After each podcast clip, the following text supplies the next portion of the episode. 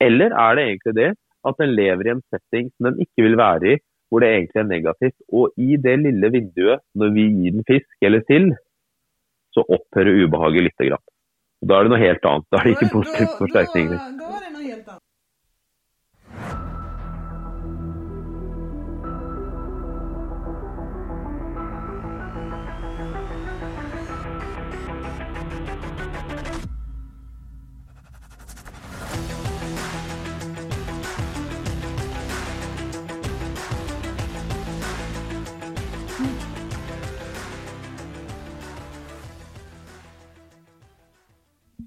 Hej och mycket välkomna till Hundtränarpodden. Det här avsnittet sponsras av Four Friends, bästa hundgodiset och bästa hundmaten. Idag har jag med mig en gäst ifrån Oslo, nämligen Peder Seinar Kristiansen. Hej Peder! Hei, hei. är hyggelig. Jättekul att du vill vara med. Eh, vi har ju träffats ett antal gånger när vi har varit på olika läger i Norge och Danmark och, och sådär. Och eh, jag har ju alltid upp... Om man ska hitta dig på ett läger, då får man leta i skogen eller på planen. För du är igång med hundträning hela tiden. Och du är en av dem som jag liksom upplever är riktigt genuint intresserad av hundträning. Stemmer det? Ja, ja det, tror jeg, det tror jeg stemmer ganske bra. Jeg, eh, jeg tror ikke på en måte jeg noen gang har eh, valgt hundetrening. Jeg føler at eh, på en måte hun har valgt meg. Jeg, jeg sa på en måte på skolen allerede da jeg var 10-12 år, tror jeg de kan huske at jeg snakket om at jeg skulle jobbe med hund. Ah, Okej. Det, det har liksom ikke vært noe annet tema. Kan du berätta lite om din bakgrund i hundvärlden? Eh, ja, absolutt. Eh, altså, interessen min begynte vel egentlig med at eh, jeg hadde en eh, bestefar, hva sier man på svensk? En morfar, altså far til eh, min mor. Ja, morfar, stemmer det? Ja, han var, eh, han var polis, og han var hundfører i eh, polisen. Aha. Så Mm. Han på en måte var litt med å skape interessen da jeg var veldig liten. Og så vokste jeg opp i eh, et sted i Norge som ligger ja, et, et lite stykke utenfor Oslo, men det var veldig populært med hundekjøring.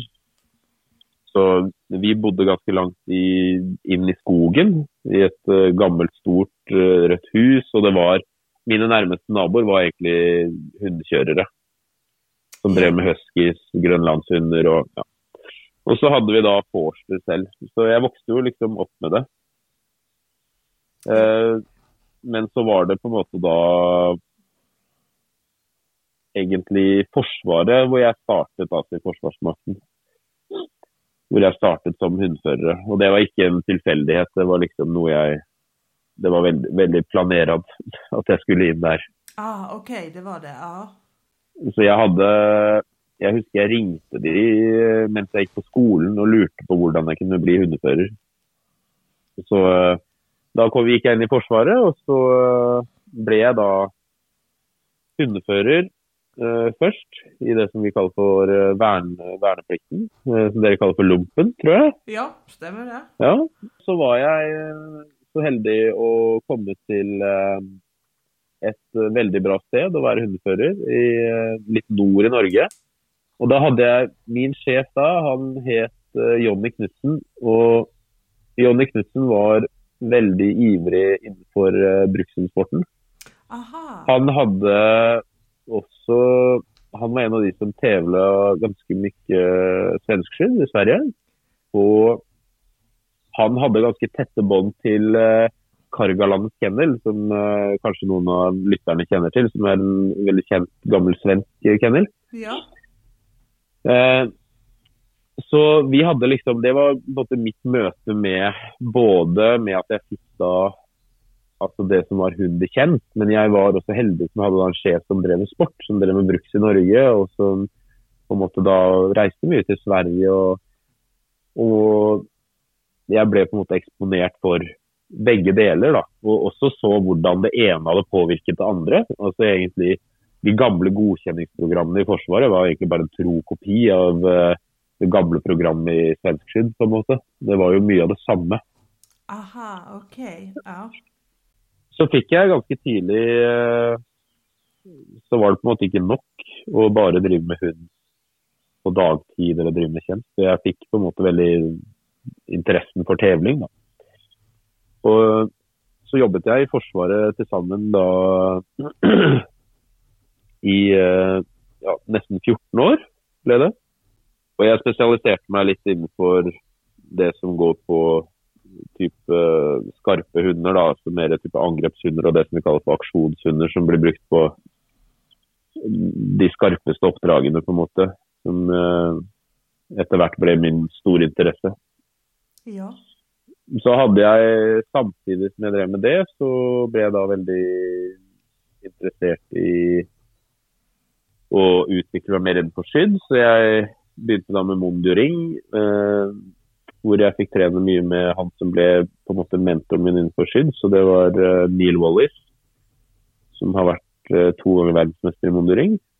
Som eh, er en veldig, veldig dyktig veldig dyktig skyddstrener som egentlig la grunnlaget for mye av mitt tenk rundt skydds. da. Ja, just det. Hva, var kommer han ifrån? Hvilket land? Han eh, er egentlig fra USA. Ja. Eh, og så Han driver på en måte mye med Monduring og den type ting privat, men jobben hans er at han, han er egentlig en av de som har utviklet servicehunden i den retningen som det har tatt nå, og som er en av, og vært en av de ledende i verden på førerhund i mange år. Aha, okay. Så han kom til Norge egentlig for uh, mange år siden for å være med å videreutvikle lederhundprogrammet som var i Norge. Aha, ok. Ja. Så eh, da var jeg heldig og fikk trene flere år med han. Og det var da vi på en måte startet å tevle modering. Da hadde jeg en malle som eh, var da som jeg godkjente som tjenestehund, og som jeg også konkurrerte med i modering. Så hadde jeg en eh, paus, en liten pause i Forsvaret, hvor jeg jobbet for Norsk Folkehjelp i Bosnia med minehunder. hunder. Da jobbet jeg som trener, egentlig, trenerinstruktør, hvor vi da produserte i forhold til minehundprogrammet hunder som skal ut forskjellige steder i verden og produsere og bli operative minehunder. da. En av de vanskeligste tingene jeg har trent, faktisk, nettopp fordi at konsekvensen er så stor hvis hunden ikke gjør rett til slutt. ja. En ting er hvis du har en forskjellen på en minehund og en bombehund, er jo på en måte at hvis du har en bombehund og du holder på i en skarp situasjon, eller det er at du gjør et, et eh, bombesøk, så kan, er det en mulighet for at det er en bombe der. Jobber du med en minehund og du rydder miner, så jobber du ut fra et perspektiv hvor du ofte vet at det finnes miner i det området, men du vet ikke hvor det er. Og det blir på en måte nesten sånn at du kan si det sånn, da. At hvis, hvis hunden din ikke legger seg på ligg under marsj, så mister du et bein. Hvis du skjønner sammenligningen. Altså det blir så at hundetreningen din blir så spesifikk og hundetreningen din blir så viktig på en måte på visse ledd av at akkurat på disse punktene så kan ikke hunden gjøre feil. Så den er på en måte, den, den lærte jeg veldig mye av. Hvordan du Ja, det tok jeg med meg mye videre, kan du si. Men Eh. eh, det där är ju lite intressant också för det där tror jag att mange många inom kanske og och så här kan, kan eh, är man ju lite nyfiken på liksom hur, hur, hur får man riktigt, riktigt säkra beteenden? Så det kan jag tänka mig att du har lärt derifrån liksom. Jeg hadde jobbet som dressør og trener og instruktør og alt dette der i nesten Jeg tror jeg hadde holdt på med det i ni år før jeg kom dit.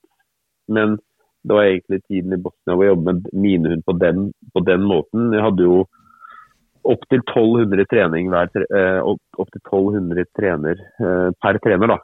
Ja, Eh, Så du kunne ha mellom 500 og 1200 trening eh, til enhver tid. Og det vil si at den, det du gjør med hundene når du gjør noe med dem, det, det er veldig viktig. Du har ikke så mye rom for å gjøre feil da, i treningen din. Samtidig som jeg holdt på med det, så hadde jeg en uh, ny tjenestehund uh, på vei opp selv. Da, som uh, Jeg var da kommet meg inn i Forsvaret igjen etter en periode i Bosnia. Det var jo først og fremst en tjenestehund på en måte, som var min tjenestehund, men han var først trent til tjeneste. På en måte omskolerte han eller lærte han videre opp de tingene som jeg trengte til skyddsprogrammet. Og da var det mitt, mitt mål å få en hund da, som ble den ultimate, ultimate brukshunden. Og det var en hund som var godkjent tjenestehund, og som hadde konkurrert. Eh, som jeg kunne da ta til nordisk mesterskap. Og mitt mål var da å komme til nordisk mesterskap i alle de fire landene. Så at jeg hadde konkurrert en, en, runde rundt, hvis du skjønner hva jeg mener. Ja, just det. Just det. Ja, for, det, ja, for det, det er jo var fjerde år da, i, i de ulike landene. da. Ja, ikke sant? Norge, Finland og ja. Danmark, for de som ikke vet. Ja. Så da hadde jeg, Det var mitt mål, og da tenkte jeg at uansett hva som skjer, så skal jeg stille på nordisk hvert år på, i, uh, i skydd, og jeg skal på en måte ta med han. Eh, første året så hadde vi veldig bråttom, og vi hadde ikke Jeg var ikke ferdig med alle øvelsene, men jeg tenkte OK, han, han går ganske bra spor, jeg har bra lydighet. Eh, søk hadde vi egentlig et helt annet type søk på han som han hadde som tjenestehund, så jeg hadde veldig dårlig tid, bråttom, på å kjøre han om på et vanlig type søk. Da kom han vel på femteplass. Uh, og neste år så uh, reiste jeg på min uh, hva kaller du det for, en, altså en type lederutdanning i Forsvaret. Så jeg var faktisk borte i et halvt år. Aha, og ja. da var jeg ute og seilet. Jeg seilet fra Spania og hjem til Norge. Men det er en annen historie. Ah, okay. ah. Men da trente vi veldig målretta mot måte det programmet, og da tok vi bronse det året. Så det var jeg veldig fornøyd med. Ah. Og så eh, konkurrerte jeg da med han de siste to årene, hvor jeg fikk han på fjerdeplass eller noe sånt. Men da hadde jeg på en måte nådd mitt mål, og det var på en måte å vise til at jeg hadde kontinuitet og for mitt personlige behov, da, så hadde jeg på en måte trent opp det som jeg mente var en ultimate brukshund. Ja. Siden jeg har vært interessert i, i type preparatsøk, da, altså bombehund og disse tingene. Uh, og der kjørte vi jo litt spaniels. Uh, og så tenkte jeg at jeg hadde lyst på en, min egen spaniel, så jeg fikk meg en jaktkokker. Når jeg fikk meg jaktkokkeren, så var jeg ganske sikker på hvor jeg skulle trene den til eh, type bombesøk eller den type greie. Men jeg ville gjerne på en måte lære mer om hvor er det rasen kommer fra, og hvorfor er den som den er. Så jeg begynte da å trene opp mot uh, jaktprøver innenfor spaniels. Og hadde på en måte min teori på hvordan jeg skulle gjøre det. Uh, og det gjorde jeg litt som en test, egentlig for meg selv. Ja. Uh, så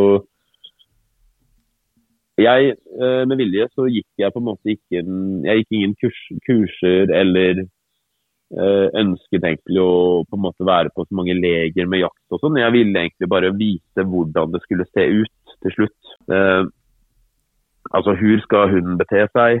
Uh, uh, hvor får du poeng, hvor taper du poeng? Og så ville jeg mer gjøre det som en test for meg selv.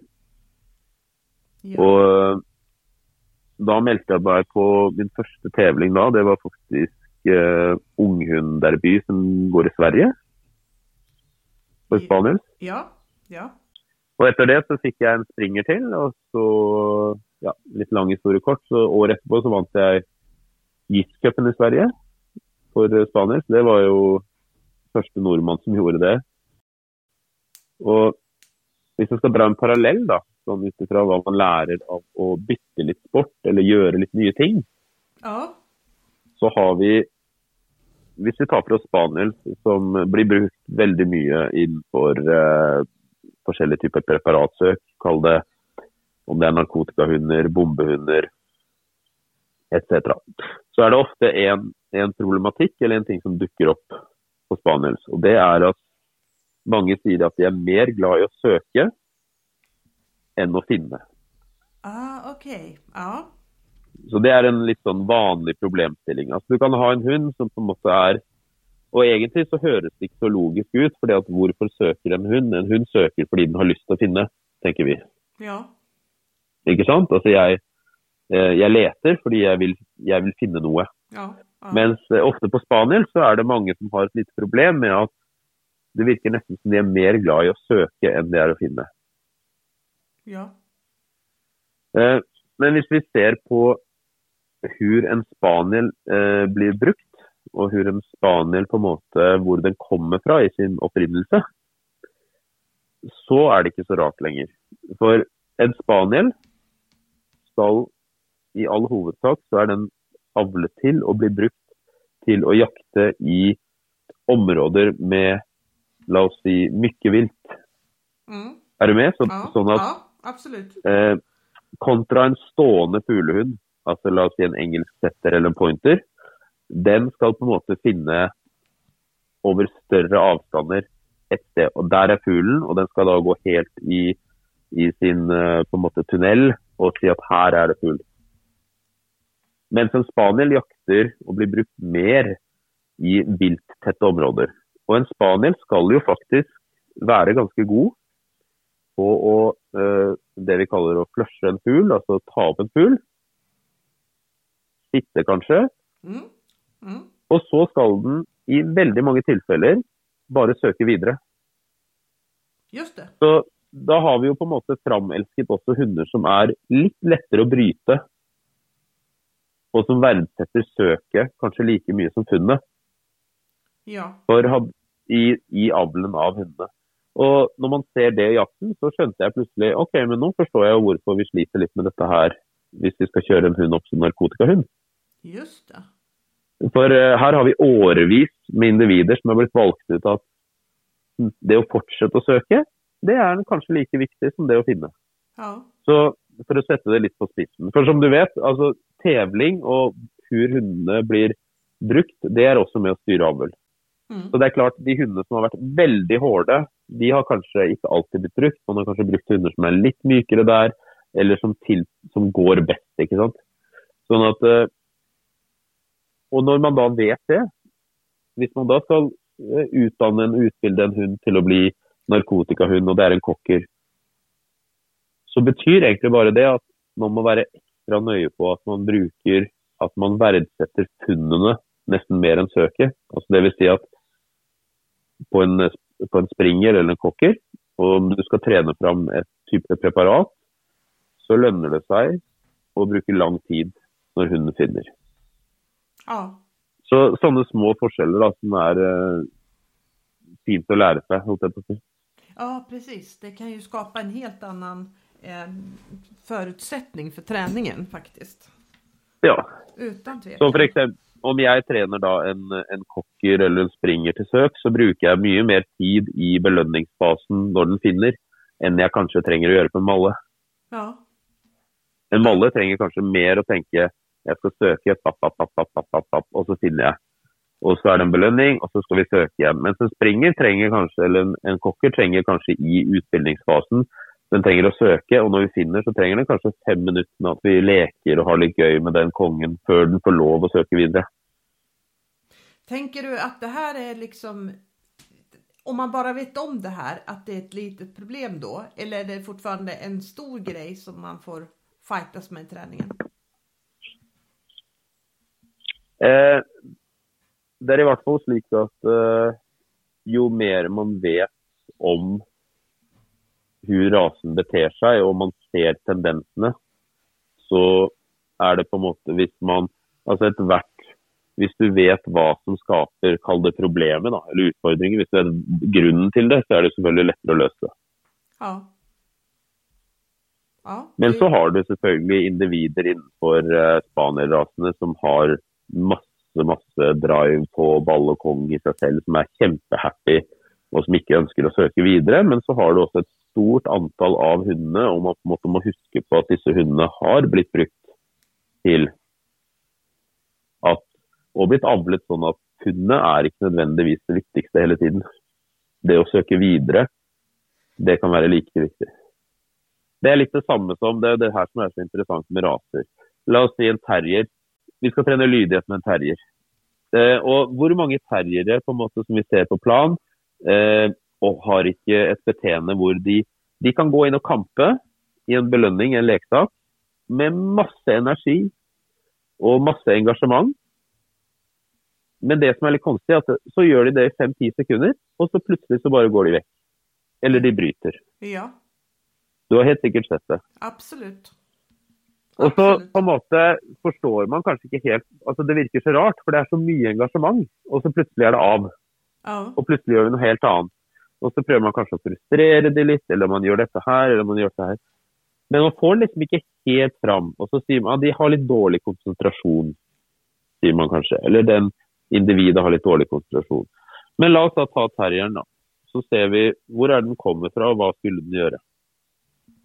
En klassisk terrier skal kanskje ta livet av eh, rotter inni en, eh, en, eh, en låve, eller et sted man har hester. ja. Og hva trenger den å gjøre da? For det er jo ikke én rotte eller én mus, det er mange. Ja. Ja. Så vi har jo fremelsket hunder som nettopp gjør det. De går inn, de har masse kamp, og så skal de titte seg rundt etter noe annet. Ja. For hvis de hadde hengt seg opp, hvis vi hadde fremelsket individene som på en måte ble liggende og spise på den ene rotta, og som var som en malanois med en fotball som låste beina rundt, og som hadde masse possession og masse play drive, og 'denne her er min', det er bare den, så hadde jo alle de andre rottene løpt rundt og gjort hva de ville. ja, just det. Just det. Så det er jo på en måte Sånn er det jo med alt. Så hvis man vet på en måte grunnen og årsaken, så, så er det lettere å styre treningen i riktig hold, da, tenker jeg. Ja, helt klart. Det var en liten avsporing, men, men det er jo det som på en måte fascinerer meg med hundearbeid. Ja, ja, helt sant. Helt sant. Og jo mer sånne her samband som man liksom hittar, desto lättare som sagt att förstå vad som händer och sker i olika situationer. Men vad har du för hundar idag? Eh, nå har jeg en eh, forster eh, på fire år, og jeg har en eh, Riesenschnauzer på to år. Ah, okej. Ja. Okay. Så jeg har jo da en eh, jakthund og en brukshund, da, kan du si. Ja, ja. Så det er brukset som du som gjelder med risen. Hvordan kom det seg at det ble en risen? Jeg ble jo pappa i eh, 2017, og jeg tenkte at eh, dette er kanskje den, eh, den gangen hvor jeg har flest kriterier på hvordan hunden min skal være. Eh, Hvis man da skal snakke om valg av hund, så hadde jeg jo på en måte Før så hadde jeg jo mange kriterier, men kriteriene handlet jo egentlig bare om eh, meg og hunden. Mens nå var det jo på en måte meg og sønnen min. Ja, Jeg kunne ikke ha en hund som hadde noe skjerpe, eh, i hvert fall ikke i stor grad. Eh,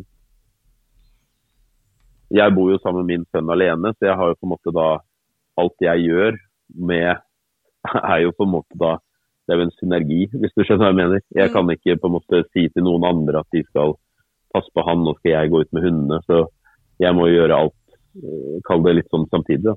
ja, Eh, så har jeg sett eh, noen linjer på, på risen som eh, jeg syns har vært veldig bra.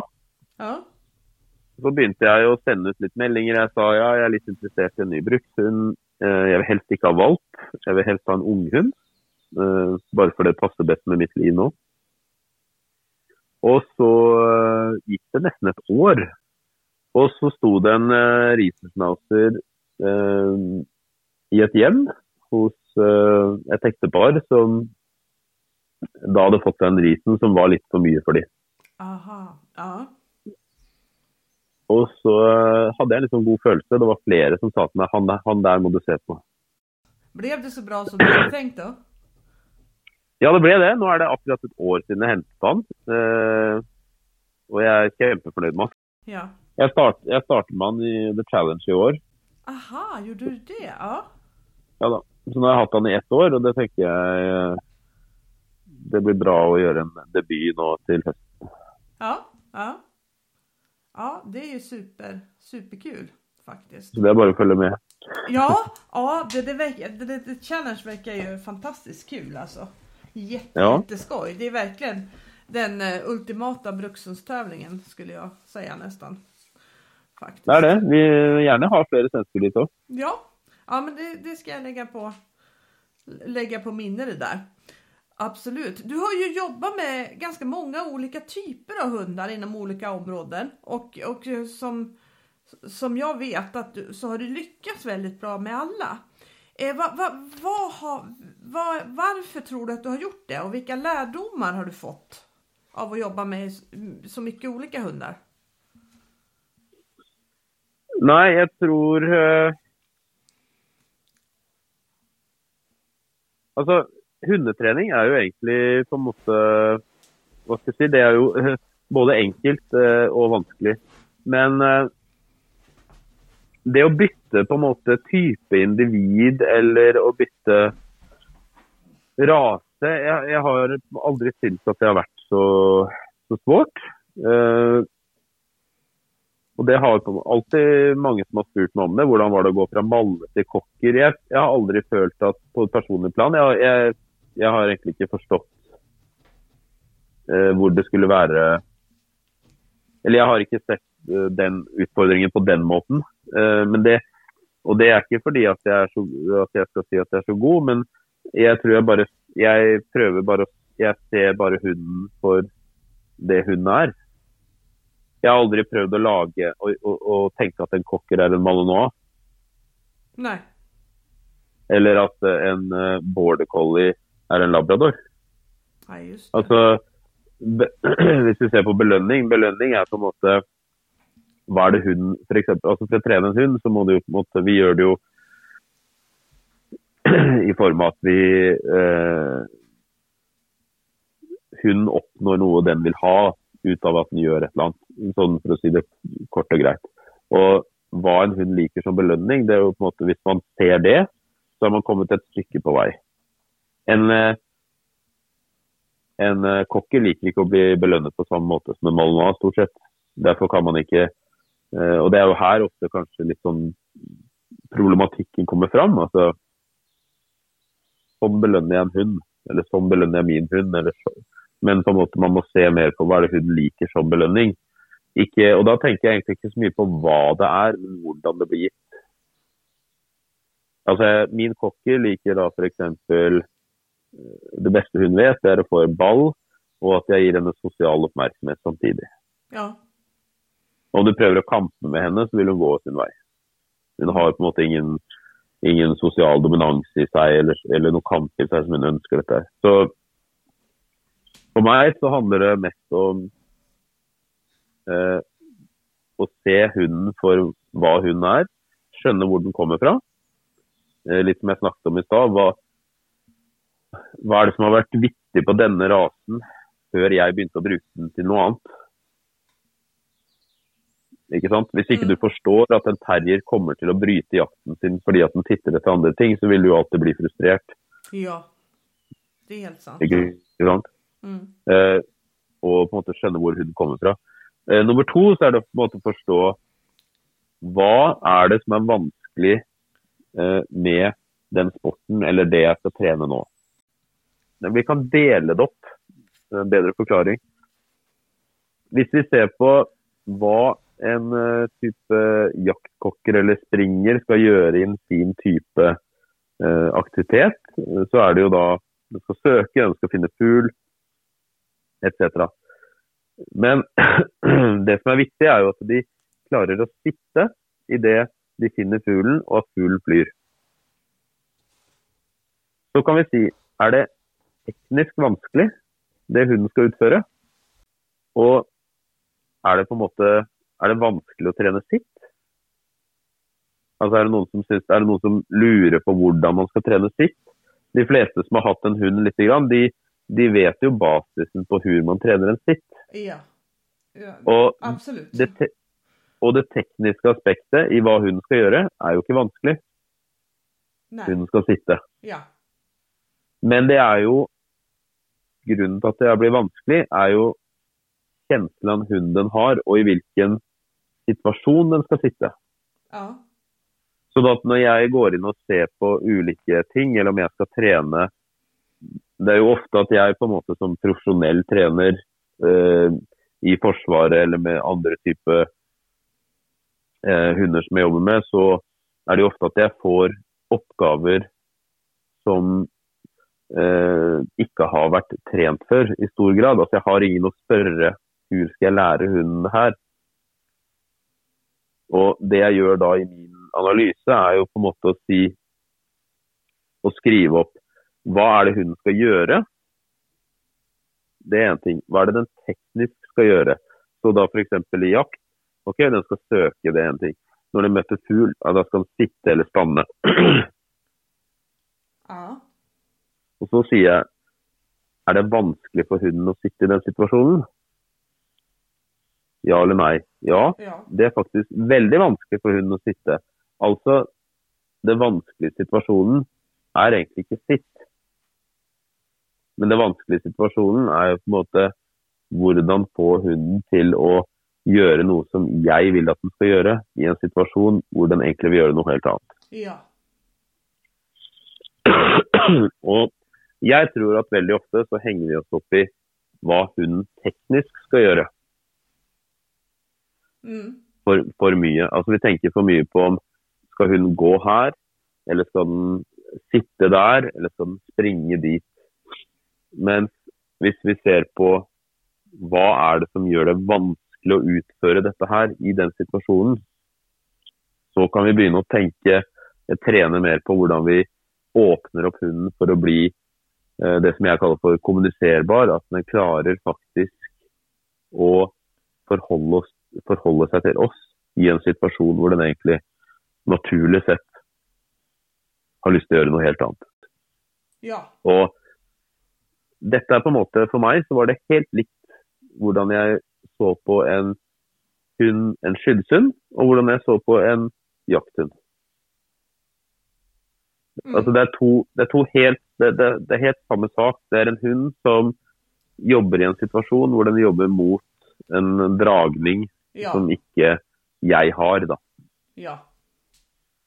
Og Det tror jeg også var grunnen til at jeg på en måte klarte å gjøre det relativt bra da, innenfor den type gren ganske fort. var jo fordi at eh, jeg hadde jo flere år erfaring med skydd, så hadde jobbet veldig mye med det. For meg så var det egentlig det var samme sak. Ja. Eh, Det som var litt svårere, var at jeg kan ikke si til fuglen Nei, stanne litt der. Vær, eh, kom tilbaks. Eller inntil fly, på en måte. Den er jo den er jo altså dyr, så den gjør som den vil. Ja, Ja. Helt, Men helt sant. Ja. Så det jeg måtte gjøre der, det var at jeg, jeg måtte jo lage en eh, forsterker som eh, betydde mye for hunden. Sånn at jeg brukte jo da en kong og en ball, altså en leksak. Ja. Og hov, hovedgrunnen til at jeg lærte da min kokker, eller at jeg på en måte kjørte fram en belønning som hadde høy verdi for, for uh, kokkeren min, og at jeg gjerne ville ha den, var ja, på en måte fordi at jeg skulle kunne belønne den med det. Men nummer to, jeg måtte jo ha en fugl som jeg kunne kontrollere. Og hvis hunden har ekstremt lyst på ballen, så kan ballen på en måte bli fuglen. ja. Hvis du skjønner hva jeg mener. Mm. Det vil si at jeg kan trene hunden min til å sitte når ballen flyr av gårde. Ja. Men det, men det er ikke noe poeng hvis hunden ikke har lyst på ballen. Nei. Da blir det bare en størning. Ja. Så på en måte hunden må jo også kunne ta ballen, den må ha lyst på ballen. Det blir litt samme sak som med skydds.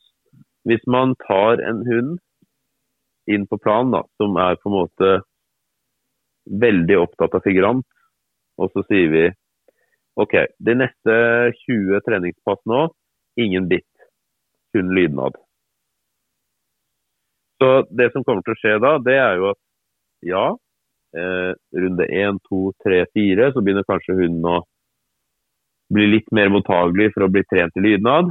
Og så til slutt, hvis den da ikke får noen bitt, så blir jo på en måte figuranten bare noe som de lar være å forholde seg til, for det slutter å ha betydning i den situasjonen. Altså Den har ikke lenger noen forventning om at jeg skal få bite. Så dermed så virker den mer lydig. Altså den blir mer lettere å jobbe med. Ja. Og det kan være et ledd i å jobbe med en hund, men samtidig så har vi jo ikke tatt tak i det som egentlig er greia. Og det er jo at vi ønsker jo kontroll og vi ønsker lydnad når hunden har en forventning om at jeg kan få bitte. Ja. Det er jo den store skillnaden. Mm. Hvis ikke blir det på en måte enten-eller. Enten så er jeg lydig, eller så er jeg ikke det. Ja, just det. Så litt samme sak. Hvis du har eh, Jeg husker jeg ble spurt en gang om eh, Det var en border collie på, på, på Lindåsplan som skulle sendes rundt kjeglen. Ikke sant? Mm. Altså løpe ut til konen, da. Ja. Og så sier de at ja, når vi, når vi skal stille oss opp, så har vi begynt å få litt lyd. Og hunden eh, har veldig treg sitt. Altså den står. Og på en måte, jeg vil jo ha den i fot, men den, den, den setter seg ned veldig, veldig langsomt. Mm. Og så sier jeg OK, kan du vise meg? Så de går fram, og akkurat det skjer. Hunden har jo kjempestor forventning om å løpe fram. eh, og den sitter jo selvfølgelig da veldig tregt ned. Den står, altså den vil, ikke- den vil ikke sette seg, og den smyger litt fram. Og så sier jeg OK, men da belønner vi den en gang når den setter seg, bare for å se. Men idet hunden setter seg og vi, prøver, og vi prøver å gi hunden belønning, så vil den ikke ha belønning. Nei. Nei. den vil springe til konen. Ja, Mm. Og, men egentlig så er det ikke logisk, fordi at når den springer til konen, så får den et ja, og så løper den tilbake og tar belønning. Mm. Og det som har skjedd der, er jo på en måte mye av det som ofte skjer hos en skyddshund eller en jakthund.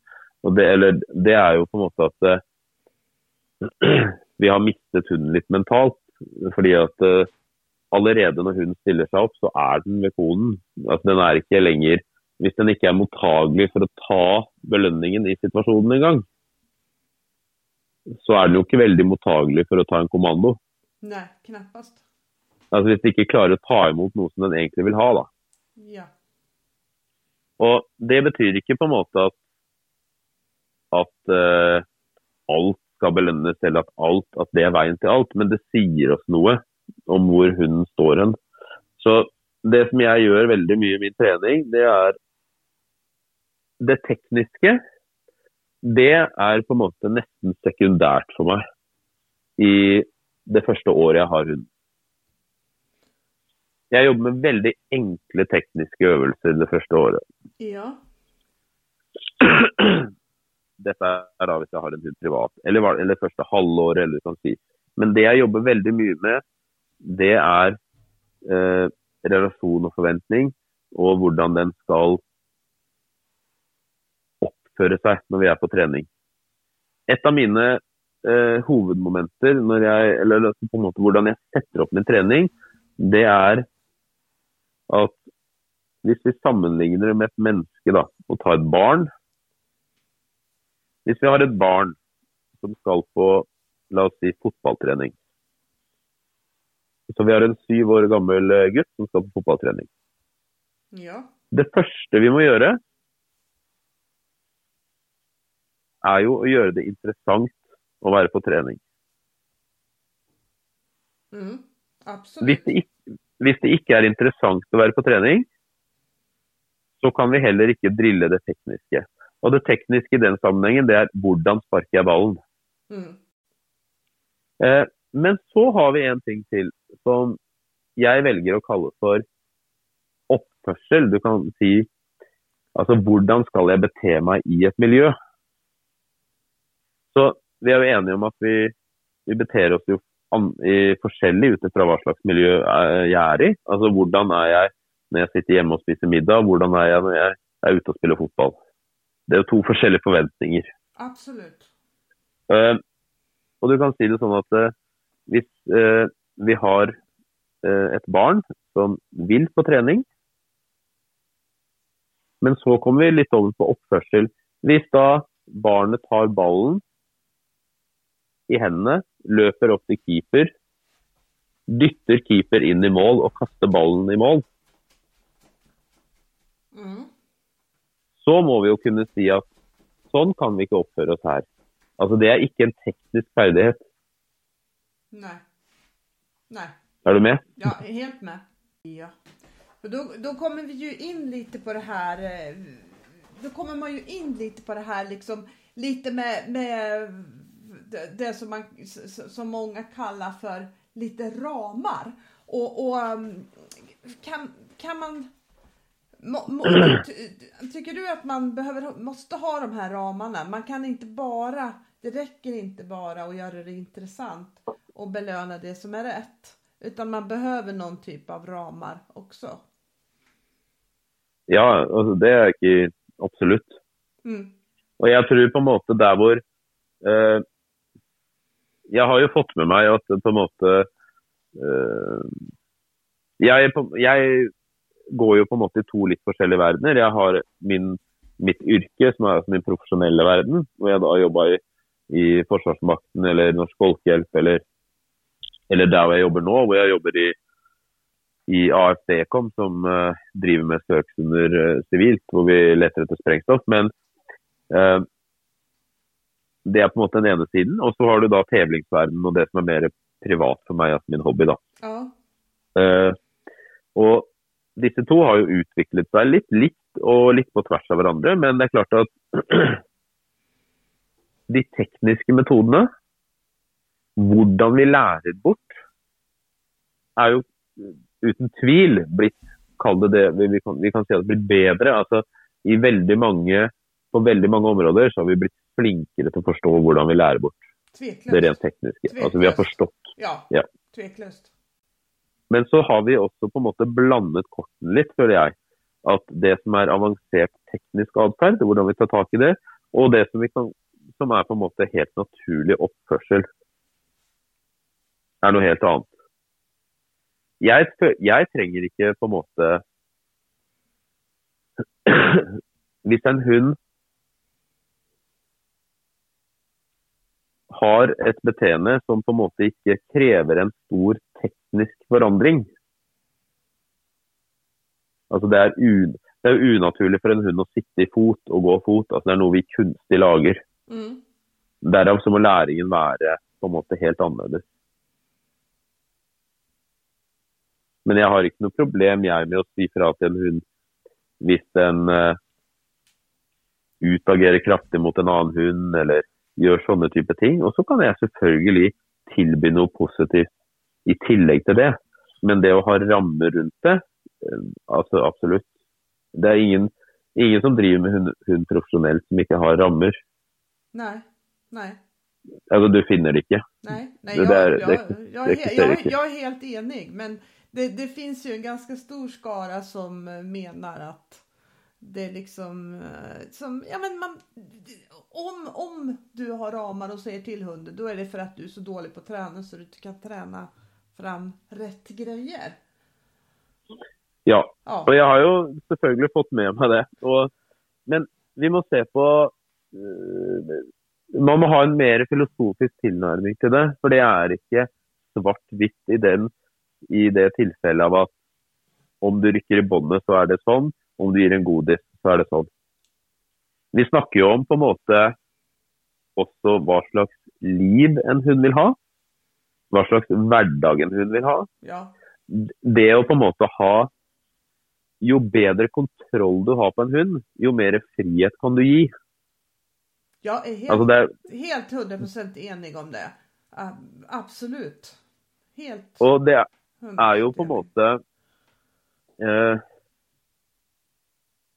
Det er jo på en måte sånn at der hvor man må gå inn og kontrollere mest, er jo på en måte der hvor man har minst kontroll, fordi man er usikker eller Så hvorfor kan jeg gå med min Forster løs nesten hvor som helst, når som helst? Det er jo fordi at han kommer når jeg roper. Ja. Han har jo selvfølgelig et Og dette vet jo du, men sånn generelt når vi snakker om det, så så eh, man må på en måte se hva som er til best for hunden som et eh, altså Hvis du ser på hunden som en rase, ikke forskjellige hunderaser nødvendigvis, men hunden som rase, og hva den ønsker å oppnå, hva den ønsker å gjøre. Og vi kan si, Vi har et filosofisk spørsmål som jeg syns er veldig fint. Hvis man drar parallellen til dyr som blir trent i akvariet. Så Vi har da det blir ofte brukt som eksempel. Ja, men delfiner som er i akvariet, det kan vi trene 100% positivt. Ja. Fordi der så blåser vi en fløyte, eller vi klikker, og så får delfinen noe. Og så kaller vi det positiv forsterkning. Men man kan se på det på en dypere måte òg. Hva er det delfinen vil? Delfinen den vil jage. Den vil finne ut av ting, den vil utforske. Den vil ha muligheten til å jakte mat. Den vil ha muligheten til å gjøre det selv. Så er det egentlig positiv forsterkning. Altså at vi tilfølger noe positivt idet den får fisk. Eller er det egentlig det at den lever i en setting som den ikke vil være i, hvor det egentlig er negativt. Og i det lille vinduet, når vi gir den fisk eller sild, så opphører ubehaget lite grann. Mm. Mm. Da er det noe helt annet. Da er det ikke positiv forsterkning. forsterkning. da, da, er det noe helt annet, ja. Absolutt. Og jeg har, jeg har sett ma veldig mange personer trene hund i utrolig mange forskjellige settinger. Jeg har sett alt fra den styggeste trening eh, som jeg skulle ønske jeg ikke hadde sett, til på en måte utrolig bra trening. Jeg har sett trening som forsøker å være Kall det 100% positiv, men som jeg ikke mener at er 100 positivt, for det er ikke positivt for hund det som skjer der ute. Nei. Vi kan ikke på en måte si at Vi må jo se på beteendet til hunden. altså er det, Hvordan er det hunden oppfører seg? Vil den mer? Har den tilbyr den mer etter at den får sine belønninger? Vil den være der? Har den engasjement? Ønsker den å gjøre det mer? Det blir det samme som for oss. Er det på en måte, er det noen andre som skal bestemme hos oss at det, er positivt at jeg skal gå på den jobben fordi noen sier at dette er positivt? Jeg får ikke straff på den jobben. Jeg får penger i den jobben. Det er ingen som er slemme med meg i den jobben. Men jeg liker ikke den jobben. Nei. Er det da positivt? Ja, ja, ja. Så jeg mener vi må se litt sånn på det. Vi må se det store bildet, på en måte. Ja. Det er ikke så enkelt som at hvis jeg bare lar være å si nei, og hvis jeg bare lar være å rykke bånd, Så. så trener jeg, og jeg bare tilfører mat eller ball, så trener jeg 100% positivt. Så enkelt er det dessverre ikke, for da hadde det vært ganske enkelt. Mm. Det er sant. Og jeg tror jo at hundene vil ting. Altså Hundene er på en måte en Hunden er et rovdyr. Et rovdyr, Det er naturlig for et rovdyr å utforske, være nyfiken, jakte, gjøre ting. På en måte. Ja. Eh, og det er behov den har, og behovene er lagt der fordi at den skal overleve. Den skal ha et naturlig instinkt at jeg har lyst til å gjøre ting, jeg har lyst til å sjekke ut det. OK, jeg møter litt motstand, jeg må finne ut hvordan løser jeg det. Hva er det som, enligt deg, hva, hva er det som avgjør om en metod er bra eller dålig, enligt dig? Eh, ja, I denne sammenhengen bra eller dårlig, så, eller om vi snakker generelt. Men jeg føler man, generellt? Mm. Ja. Nei, altså en bra En bra metode. Eh, jeg liker jo faktisk å se sammenligne hundetrening eh, ved å lage mat. Ja. Så- Jeg kommer fra en familie hvor jeg har en mor og en tante som er veldig gode til å lage mat. Så hvis vi kan sammenligne og si at oppskriften på hvordan min mor eh, lager sin eh, pasta bolognese, den står jo på papiret. Ja. Det er oppskriften. Mm. Det kan vi kalle metoden. Ja. Er du enig? Ja. Men kan jeg gi den oppskriften til hvem som helst, og så lager de like god pasta som min mor? Mest sannsynlig ikke. Nei. Og Det er jo det som er interessant med metode og teknikk, som blir snakket så mye om. For det er det folk henger seg opp i. Hvordan har du gjort det? Hvordan har du gjort det? Og Det er oppskriften de er ute etter. Men hvorfor kan ikke alle Hvorfor er ikke alle mennesker som er interessert i mat, verdens beste kokker? Hvorfor klarer de ikke å lage like bra? Oppskriften står jo der. Ja. Helt sant. Og Det er der det er litt sammenlignende. Fordi at det er de små vurderingene Mm. som skiller. Ja. Der kommer interessen inn, der kommer på en måte engasjementet inn. Hvor, hva har du gjort fra før, hva kan du fra før? Hvilken sammenligning kan kan du gjøre? Og jeg tror på en måte at hvis man En metode som er bra, det er helt, kommer helt an på i hvilken eh, situasjon den blir presentert, og hva du skal oppnå. Eh, sånn at f.eks. For, for mitt tilfelle, som har gått flere forskjellige skoler i hvordan jeg skal trene hund for altså, La oss si man går en skole for hvordan man skal trene en lederhund. Da har de si, sitt sett på å gjøre rapportering. Altså Det er en metode.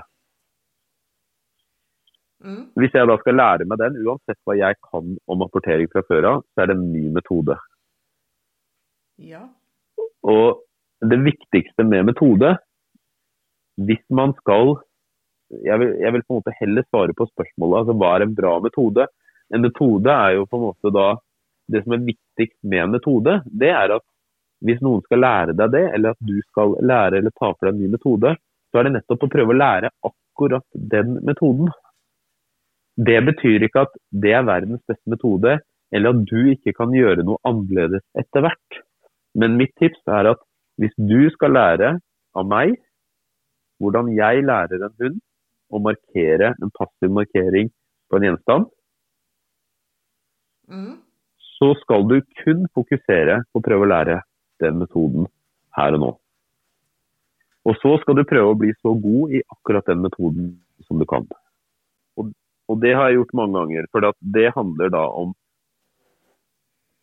Det betyr ikke nødvendigvis at det ikke er andre metoder som fungerer. Det betyr heller ikke at det trenger å være verdens beste metode. Det betyr ikke at ikke man kan finne sin litt egen måte å gjøre ting på. Men hvis du skal lære deg en metode, så må du tenke at det kommer til å kreve mange repetisjoner hos meg som trener for, før jeg kan utøve metoden korrekt. Ja. Hvis man skal ta den videre, altså hva er det som ofte er utfordringen til personer når de trener hund? Det er kanskje at de blir litt utålmodige, eller at de tenker at det er metoden som ikke fungerer. Veldig ofte så er det ikke metoden som ikke fungerer i det tilfellet, men det er evnen til hundeføreren til å gjøre metoden. Ja. Og så krever det i hvert fall eh, 1000 repetisjoner til før du blir god. Så en god metode for meg, det er en teknikk eller et system i treningen som vet hva det får når du gjør A, B og C. Da vet du også hvilke ulemper du får. Altså Når du gjør én ting, så vil du få noe, og du vil kanskje ta vekk noe. Det vil si at en god metode vet om både bak fordeler og ulemper. Ja. Og vet hva som er de neste stegene. Ja. Det som er det viktigste, det er nettopp det at man må ikke forvente at metoden fungerer, eller at man er god i metoden med en gang. Det ligger veldig, veldig mye i det faktisk. Men, men det, er litt, det, är lite filosofiskt intressant eh, just nå, for jeg har ju börjat trene litt skydd med, med, med, med Elsa och eh, det, det, dyker ju upp massor med saker där som jag känner liksom fy fan vad jag är dålig på det här. Jag liksom får inte till det här, jag hanterar inte det här på något bra sätt. Jag fixar det inte så himla bra men liksom Eh, det, det är precis som du säger, man må träna sig och ha tålamod och liksom jobba på. Det ligger ju lite i det faktiskt. Bara för man kan de andra grejerna så tycker man att det där ska gå liksom. Ja men det ska följa med det andra om du förstår vad jag menar. Absolutt. Ja. Så det, det, det är liksom, jeg jag kan lätt relatera till det här du, du pratar om faktiskt på ett väldigt intressant sätt och det tror jag at eh, det kan, säkert är ganska många som kan gjøre. Og i hvert fall når du snakker om, om, om skydd og det her, så er man jo på en måte inne på, på en måte at én ting er det Hvis jeg skal gi et tips da, til hvordan Nå har jo ikke jeg sett noe av din skyddstrening, men hvis jeg skal gi et tips på hvordan du skal tenke der, så er det på en måte at man må se man må se det tekniske hunden skal utføre som ett aspekt. Det er én del av det. Eh, men det andre delen det har ikke så mye med teknikk, teknisk hva hunden skal utføre. Altså Egentlig så er det ikke vanskelig det er ikke vanskelig for hunden å gå brev i deg, og du er en ekspert for å lære, på å lære hunden å gå brev i deg. Men det er hvis du har en figurant som gjør sånn eller sånn, så får hunden en annen kjensle av og til, kanskje, som gjør det annerledes. Ja. Og det er jo det som gjør det Det Det er det som gjør det annerledes. Ja, ut, utan tvekan. Derfor vil jeg på en måte, kanskje hvis jeg trener en skyddshund, så vil jeg legge mer vekt på i starten i min trening enn akkurat eh, 10 000 timer med fot. Så vil jeg nok legge mye mer vekt på at OK, du kan eh, sitte bredvid meg, se på meg. Jeg kan eh, kaste ut en skyddsarm. Jeg kan belønne deg to ganger. Du kan sitte hos meg. Jeg kan si vær så god, ta skyddsarmen. Jeg kan kampe med skyddsarmen. Jeg kan legge skyddsarmen ned. Du kan sitte bredvid meg. Jeg kan kampe med deg. Jeg kan gå vekk. Altså, jeg vil, jeg vil trene mye mer på å eksponere hunden litt gradvis for de kjenslene som den kommer til å ha etter hvert, kontra at den trenger å gjøre et helt program teknisk. Ja. Og, och um, det, det, det som jeg har merket der i treningen, som, og som gjør meg lite frustrerad det er at ja, det er så lett at i stedet for å bli en medspelare til hunden, altså at man Ja. spelar i samme lag, så är det så lätt att man blir motspelare istället. Och det, det är någonting som jag verkligen aldrig vill bli i träningen liksom. Utan man vill ju vara, spela i samma lag som hunden hela tiden. Mm, Om du är med på vad jag menar. mm. Faktiskt. Så um, ja, det ligger ju jättemycket i, i det där liksom som du säger. Det, jag har gjort det, så, precis som du säger, jag har jobbat med det. Men jag har inte jobbat igenom det. Jag behöver jobba mycket, mycket, mycket, mycket mer med att håndtere hunden i de følelsene. Uten tvekan. eh, på en måte det å få en medspillere, det handler jo om eh, forståelse. Altså det å på en måte at man kan Jeg kan forstå at dette er vanskelig for deg, som er hunden min, Mm, i denne settingen. Og jeg da må forstå hva hunden min trenger. ja, Sånn at jeg får Jeg vil ha drive, men jeg vil ikke ha så mye frustrasjon. Mm. Sant. frustrasjon det kan jeg bruke heller litt som en korreksjon, på en måte. Ok, Hvis du tar et dumt valg det her, så føler du deg litt frustrert, for da går det vekk. Og det kan være sånn og sånn. Så det er den, og det er en ganske mektig kjensle, så det vil, ofte, det vil den hel- helst holde seg unna. Ja, Det er jo ikke behagelig å være frustrert, på en måte. Nei. Så det jeg skulle ønske at var litt eh, bedre utbredt i hundeverden, spesielt når man starter som ny, så er det på en måte det å prøve å si til seg selv at jeg må bli god i metodene, og det kommer til å ta tid. Jeg må ha mange repetisjoner. Og det er ikke noe negativt. Helt sant. Og ofte skal jeg vel si at ofte er jo at man legger det her på hunden. Ja men min hund er jo lite si og så. Det er derfor som jag inte får det här till riktigt. Utan det är väldigt sällan som, eller i alla fall tycker jag att det är väldigt ovanligt att, att man hör någon som säger ja men jag måste bli bättre på det här för att träna den här hunden. Och det kan jag tycka är en ganska stor brist i, i hundvärlden liksom. Att, ja, att man lägger det mesta på hunden och väldigt lite på sig själv. Absolut, jag är helt enig. Eh, Vad, vad, vad tänker du då? Hur ska man tänka som ny hundägare? Eh, för det, det finns ju så otroligt mycket tips och råd och man kan ju få väldigt motstridiga råd. Speciellt nu med sociala medier och så här så har ju de flesta någonting att säga och tänka om, eh, om hur man ska göra. Hur, vad, vad, tänker du? Hur ska man tänka där? Nei, jeg tenker det kommer litt an på uh, hva man har for eh, ambisjoner, selvfølgelig. Mm, har man anskaffet seg hund fordi man vil trene og tevle eller gjøre sånne type ting. Nå er det jo De som er helt nye, de er jo veldig sjelden og tenker sånn. De skal jo ofte ha en hverdagslig hund. For det første så tenker jeg jo det at man, man er jo også der også nødt til å Jeg pleier å si at hvis du ser på det som at du skal lære noen andre et nytt språk, men du kan ikke språket selv. For når du er ny hundeeier, og du har fått en hund, og du ikke kan trene hund, så skal du egentlig lære opp hunden din, eller trene hunden din, men du kan ikke trene hund. og hvordan man skal velge i en hel jungel av meninger og eh, forskjellige tilbud, eh, alt dette her, så tror jeg egentlig at jeg syns eh, Det er to ting som jeg syns er viktig. Og det er at du må jo på en måte starte et sted. Så jeg hadde i hvert fall prøvd å holde meg litt til eh, det stedet som jeg følte at Man må jo ta et valg. Det stedet som jeg følte at var mest riktig, som jeg syns så mest eh, riktig ut for meg, og holde meg der litt. Fordi at da kommer det i hvert fall mest sannsynlig til å være en, en uh, litt rød tråd i hva som blir sagt. Mm. Nummer to, så kommer vi oss ikke unna det at jeg syns selvfølgelig man skal se etter hva er det instruktørene eller de som skal prøve å lære deg noe, hva er det de har gjort selv med sine hunder. Mm.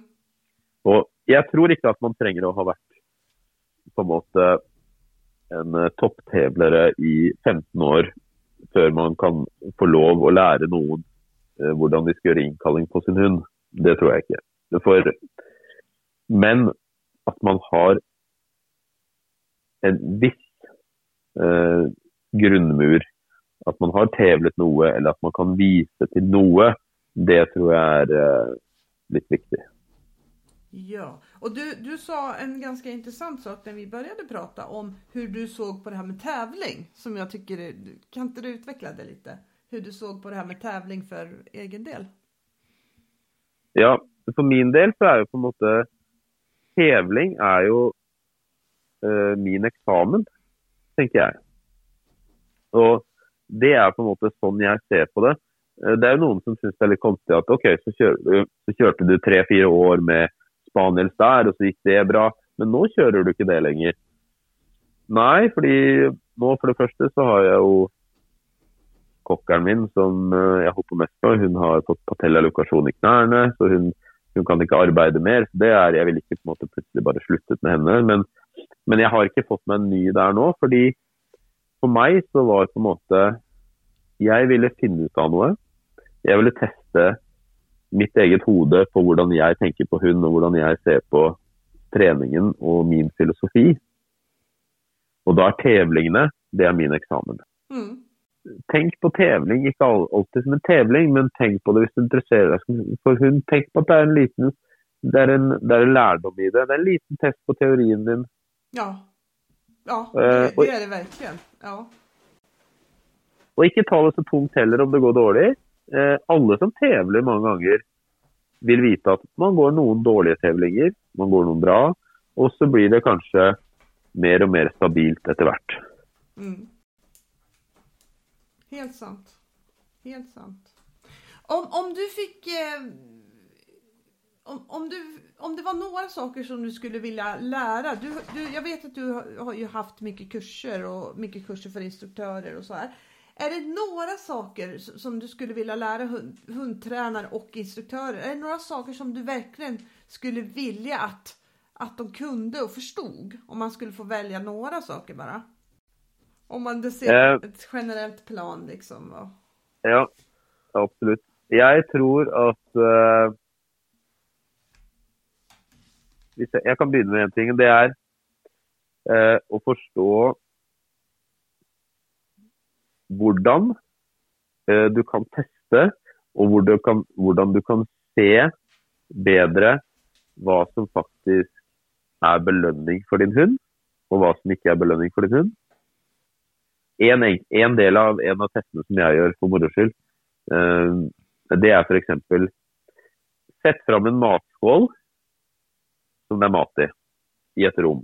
Mm. Føreren eh, går fram til matskålen, viser hunden at de legger mat oppi skålen, og går la oss si fem-seks meter vekk, eller ti meter, og slipper hunden.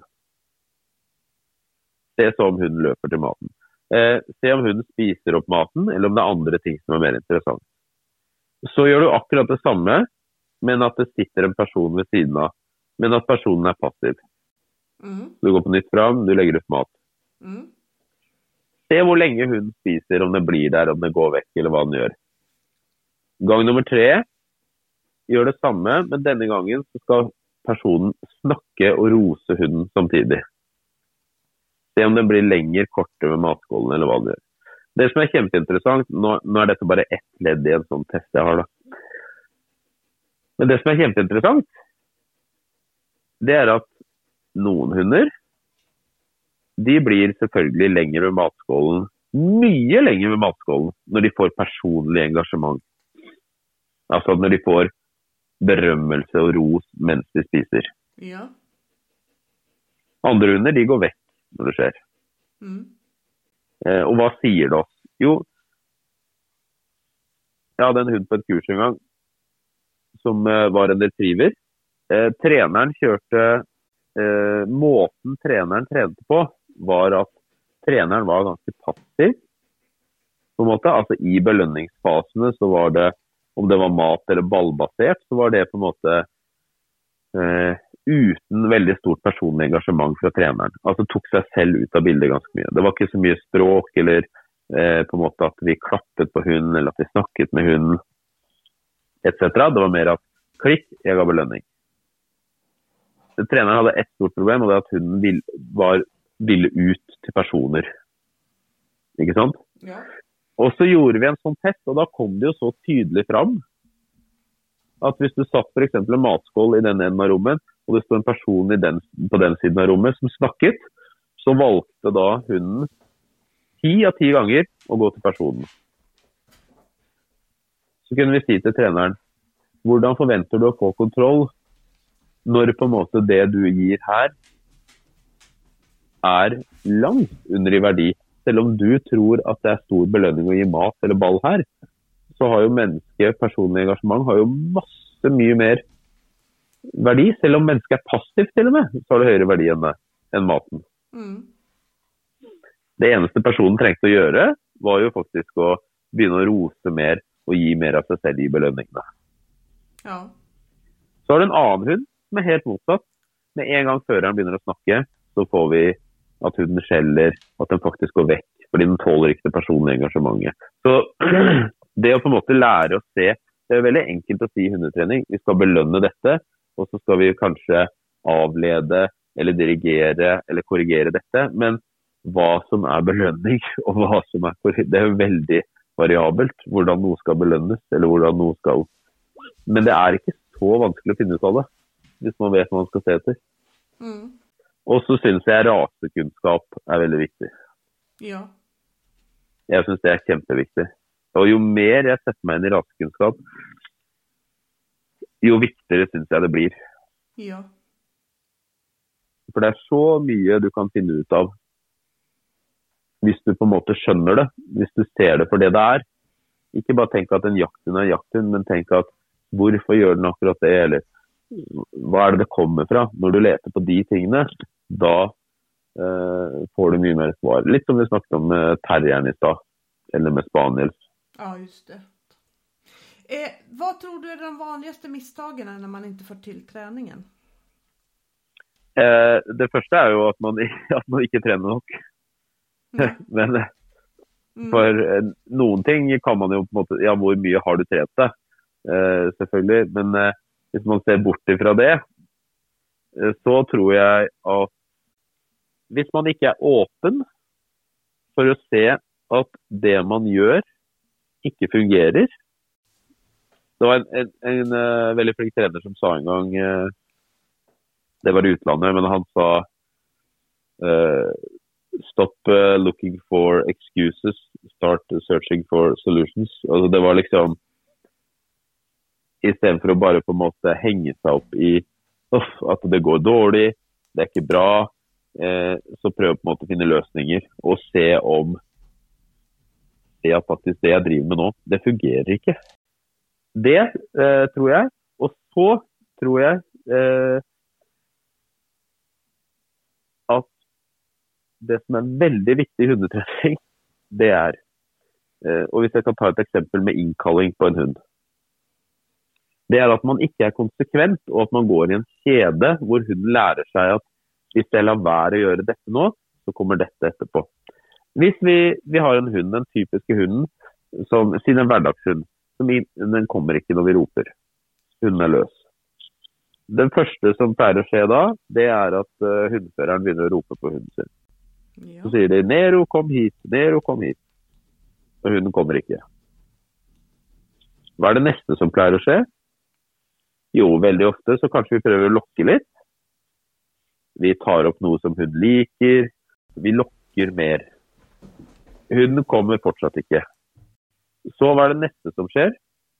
Det er kanskje at vi prøver å korrigere eller være strenge. Ikke sant? Mm. Hunden kommer fortsatt ikke.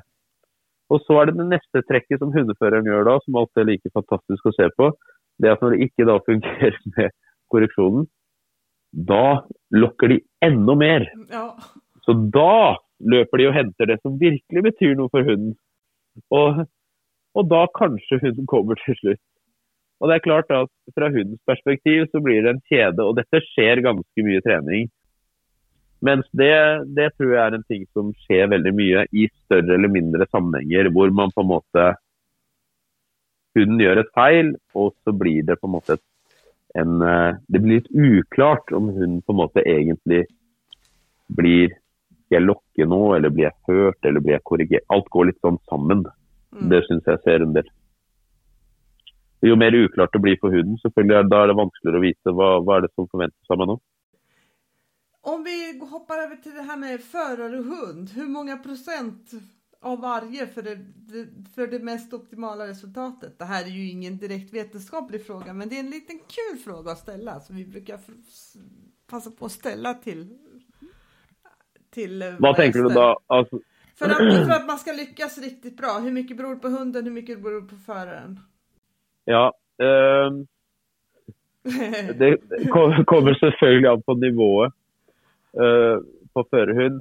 Men jeg tror at uh, jeg, jeg er jo frista til å si at men du vet, du kan ikke dra Jeg er blitt altfor filosofisk jeg på hund. Fordi hva er en bra hund? En bra hund er jo ofte en hund som En bra hund for meg er jo en hund som jeg liker. Ja, ja. Nej, men jag menar så här, inte, det behöver inte vara en bra, en bra hund, men hur mycket liksom beror, beror om, om, eh, om, om du till exempel kommer, om vi säger så här att du, når, du vill nå ett högt, jättehögt resultat. Och då naturligtvis, du måste ju ha, liksom, hunden måste ju ha lite med sig. Du kommer ju inte att vinna VM i skydds med, med en tax, liksom, hur, hur bra Mm. du än tränar. Men liksom om, om du har en, en eh, hyfsat bra hund, hur, hur bra behöver hunden vara? Hur bra behöver föraren vara? Liksom? Vem, vem är Ja. viktigast? Vem, vem behöver... Jeg, jeg, jeg, Eller er det føreren 50-50? er absolutt viktigst. Föraren är viktigast? Nei. Ja, så Ja. jeg vil, jeg vil sette det foran. Fordi det holdt på å si, det viser seg òg. Og fordi at føreren eh, kan Jeg vil, vil sikkert sette føreren på 60-70. Ja. ja. 60-70 till föraren och så Ja, absolut. Ja, ja. Under förutsättningar som sagt med att det är en hund som har fysiska kapaciteten. Ja, det, där bara, det där är ju liksom, det är jo lite filosofisk och lite kul fråga liksom. Vi har ju två stycken, vi hade ju några lyssnarfrågor men jag kommer att ta två av dem. Eh, Mm. Eh, och det, den ena det är det är en som har skrivit att hon har en hund som är bra tränad och har bra förståelse för uppgiften, kommandot. Alltså inlärningen är gjord, repetition i lång tid och hunden vet väl vad den ska göra. Men i 5% av tillfällena blir hunden när, när hunden får kommandot och så väljer hunden att göra någonting annat. För den eh, motiveras av andra stimulin i omgivelsen. Eh, I tillegg står det 'drives den av instinkt vid dess, dessa tillfällen. Det positiva förstärkningen som brukas i träningen eller belöningarna som hunden i stort sett är galen efter är inte längre motiverande nog för hunden i de 5 procenten av tillfällena. Mm. Hur kan det, hur kan det läs, lösas på olika sätt i, för, i, i förhållande till olika träningsmetoder? Det står på norska det här så det är därför som jag läser det lite konstigt. Jag försöker göra det svenska av det. Eh, är, det du med, høres är du med på frågan? Ja, jeg er med. Ja. Eh, det høres jo ut litt, Hvis jeg skal ta det bokstavelig, så høres det jo jeg må jo tolke det litt. da, så Det høres jo på en måte litt ut som at hvis vi sier 5 eh, det er jo ikke mye, tenker jeg. Og hvis du tenker her, hvis jeg forstår det riktig, så er det på en måte Det går litt ut imot hundens naturlige beteende, som de sier. Altså det er hva hunden egentlig har lyst til å gjøre. Ja. Eh, og at da har de ikke så det som er kanskje mer unaturlig, som de har lagd som en belønning, eller hva det er, at det kanskje ikke har så stor betydning i den fasen. Jeg tror eh, egentlig så kan det godt hende at eh, de, de skal være veldig nøyd med det de har fått til. Nå vet jeg jo ikke hva slags rase det er eller i hvilken situasjon vi snakker om, men det kan faktisk hende at eh, kriteriet er litt for høyt i forhold til hva de forventer å få til. Hva vet jeg. Hvis dette er en eh, eh, hvis vi snakker om her en, eh, en terrier som skal gå løs i et nabolag hvor det er veldig mange katter, og den eh, 95% av gangene så klarer den å gå forbi katt, så ville jeg vært veldig nøyd. Jeg ville ikke tenkt at det var noe at det kom til å gå noe bedre, for å si det sånn. Ja. Um, og på en måte at kanskje ikke se så klinisk på det som at vi har gjort sånn, vi har gjort A, vi har gjort B, her skal alt stemme, men det stemmer ikke helt. Ikke sant? Eh, det kan godt hende at de, Mm. de siste fem prosentene, det handler ikke om trening, men det handler om føring av hund. Om føring? Vad, Ja. Jeg tenker på det, Nå nu hänger inte jag med i norskan. Nei, som eh, på tevling, ikke sant? Ja. Vil du si at du som er så erfaren på lydighetsplan du, Måten du styrer din hund, altså måten du ikke bare utfører øvelsene, men måten du eh, legger opp når du er på tevlingsplan. Altså hvor du fører din hund. ja, ja, ja. ja, ja. Er du med? Ja, du er helt med. Du vil se de små forskjellene. Du vil si nei, her må jeg faktisk være her må jeg være litt mer bestemt, for jeg kjenner at hunden min dras litt. Nå Ja. drar du deg litt mot apporten. OK. Så når du velger å gå mot apporten, så tar du en liten venstresving istedenfor, og så går du 90 grader høyre. Ja, For da får du låst hunden din litt. Grann. ja, En som er uerfaren, går rett mot. ja. Helt sant. Jeg, jeg synes det, det er ikke et direkte svar, men jeg hadde nok sett mer på det. Hvis det er såpass lite. Ja, Hvordan de fører hunden i situasjonen. Hva de gjør der. just det. Just det. Og så har vi en sista fråga her. Og, eh, min hund, det her har vi vært inne litt på, men vi kan ta den i alle fall. Min hund går jättefin lydnad, men om jeg stiller en figurant på planen så fungerer det varken å belønne eller se til hunden. Utan eh, hunden låser seg helt på figuranten. Hvordan kan jeg få hur kan jag få till ett samarbete i den situationen? Ja. Det er jo sånn typisk eh, blokkeringssituasjon hvor du kanskje har Hvis hunden ikke er tilgjengelig på en måte for noen ting som helst. Det er en ting som er veldig konkret. altså Det er veldig fristende å si at OK, hunden må inn på samme sted, vi må ha en figurant som sitter der. du får eh, altså Løsningen ligger jo i å få en type belønning med eh, hunden. Eh, det som kan eh, fungere litt er sånn et veldig konkret tips, det er å bytte litt på rollene i starten. Vil si at hun, hvis hunden har låst seg helt, så får hunden komme inn. Og så er det noen andre som får ta sele og line, som hunden da sikkert står i. Og så får på en måte føreren bli figuranten litt. Vil si at uh, føreren går i framkant av hunden, og det er noen andre som holder hunden, sånn at hunden står i sele og line. Fordi da på en måte står hunden i en posisjon hvor den er kjent og den egentlig vil være. Eh, hundefører kan da begynne å gå inn, kampe litt med hunden, men istedenfor at hunden bare skal vinne og gjøre disse her tingene, så når de har litt interesse, hunden kanskje vinner én gang, kamper litt igjen, så begynner vi med å ta en slitt og en sitt. Ja, Eh, hvis, hvis hunden da i den situasjonen så er det veldig sjelden at hun ikke vil eh, på en måte forholde seg til føreren sin. Og Det som føreren kan da gjøre hvis hun mister interesse, det er jo rett og slett å trekke seg litt bak, frustrere hunden litt, gå mot hunden igjen, kommandere en sitt, og så belønne. Altså Det går igjennom at vi ber om veldig lite lydighet, men eh, belønningen er veldig stor. At jeg gjør om på en måte, sånn at eh, hundefører kommer mer i framkant av hunden i starten som en start. Og så, Det første jeg gjør da, det er å jobbe med sitten, at hunden sitter, at den klarer å forholde seg til det, og den får den belønningen som ofte vil ha hos figurant. Og så bytter jeg, når jeg ser da jeg står i framkant av hunden, jeg gjør det kanskje fem-ti ganger, kanskje jeg må gjøre det flere pass også. Men når jeg ser at når jeg får slipp på hunden, så fokuserer hunden på meg, ikke rundt i rommet. Så belønner jeg det igjen. Og når jeg ser at jeg begynner å få tendensen på at forventninger ligger på meg, ikke på noe annet, så når jeg sier sitt, så snur jeg meg inn, sånn at jeg går inn så jeg blir stående med hunden i fot. Så kan jeg si ja, så kan figuranten komme frem og begynne å jobbe litt.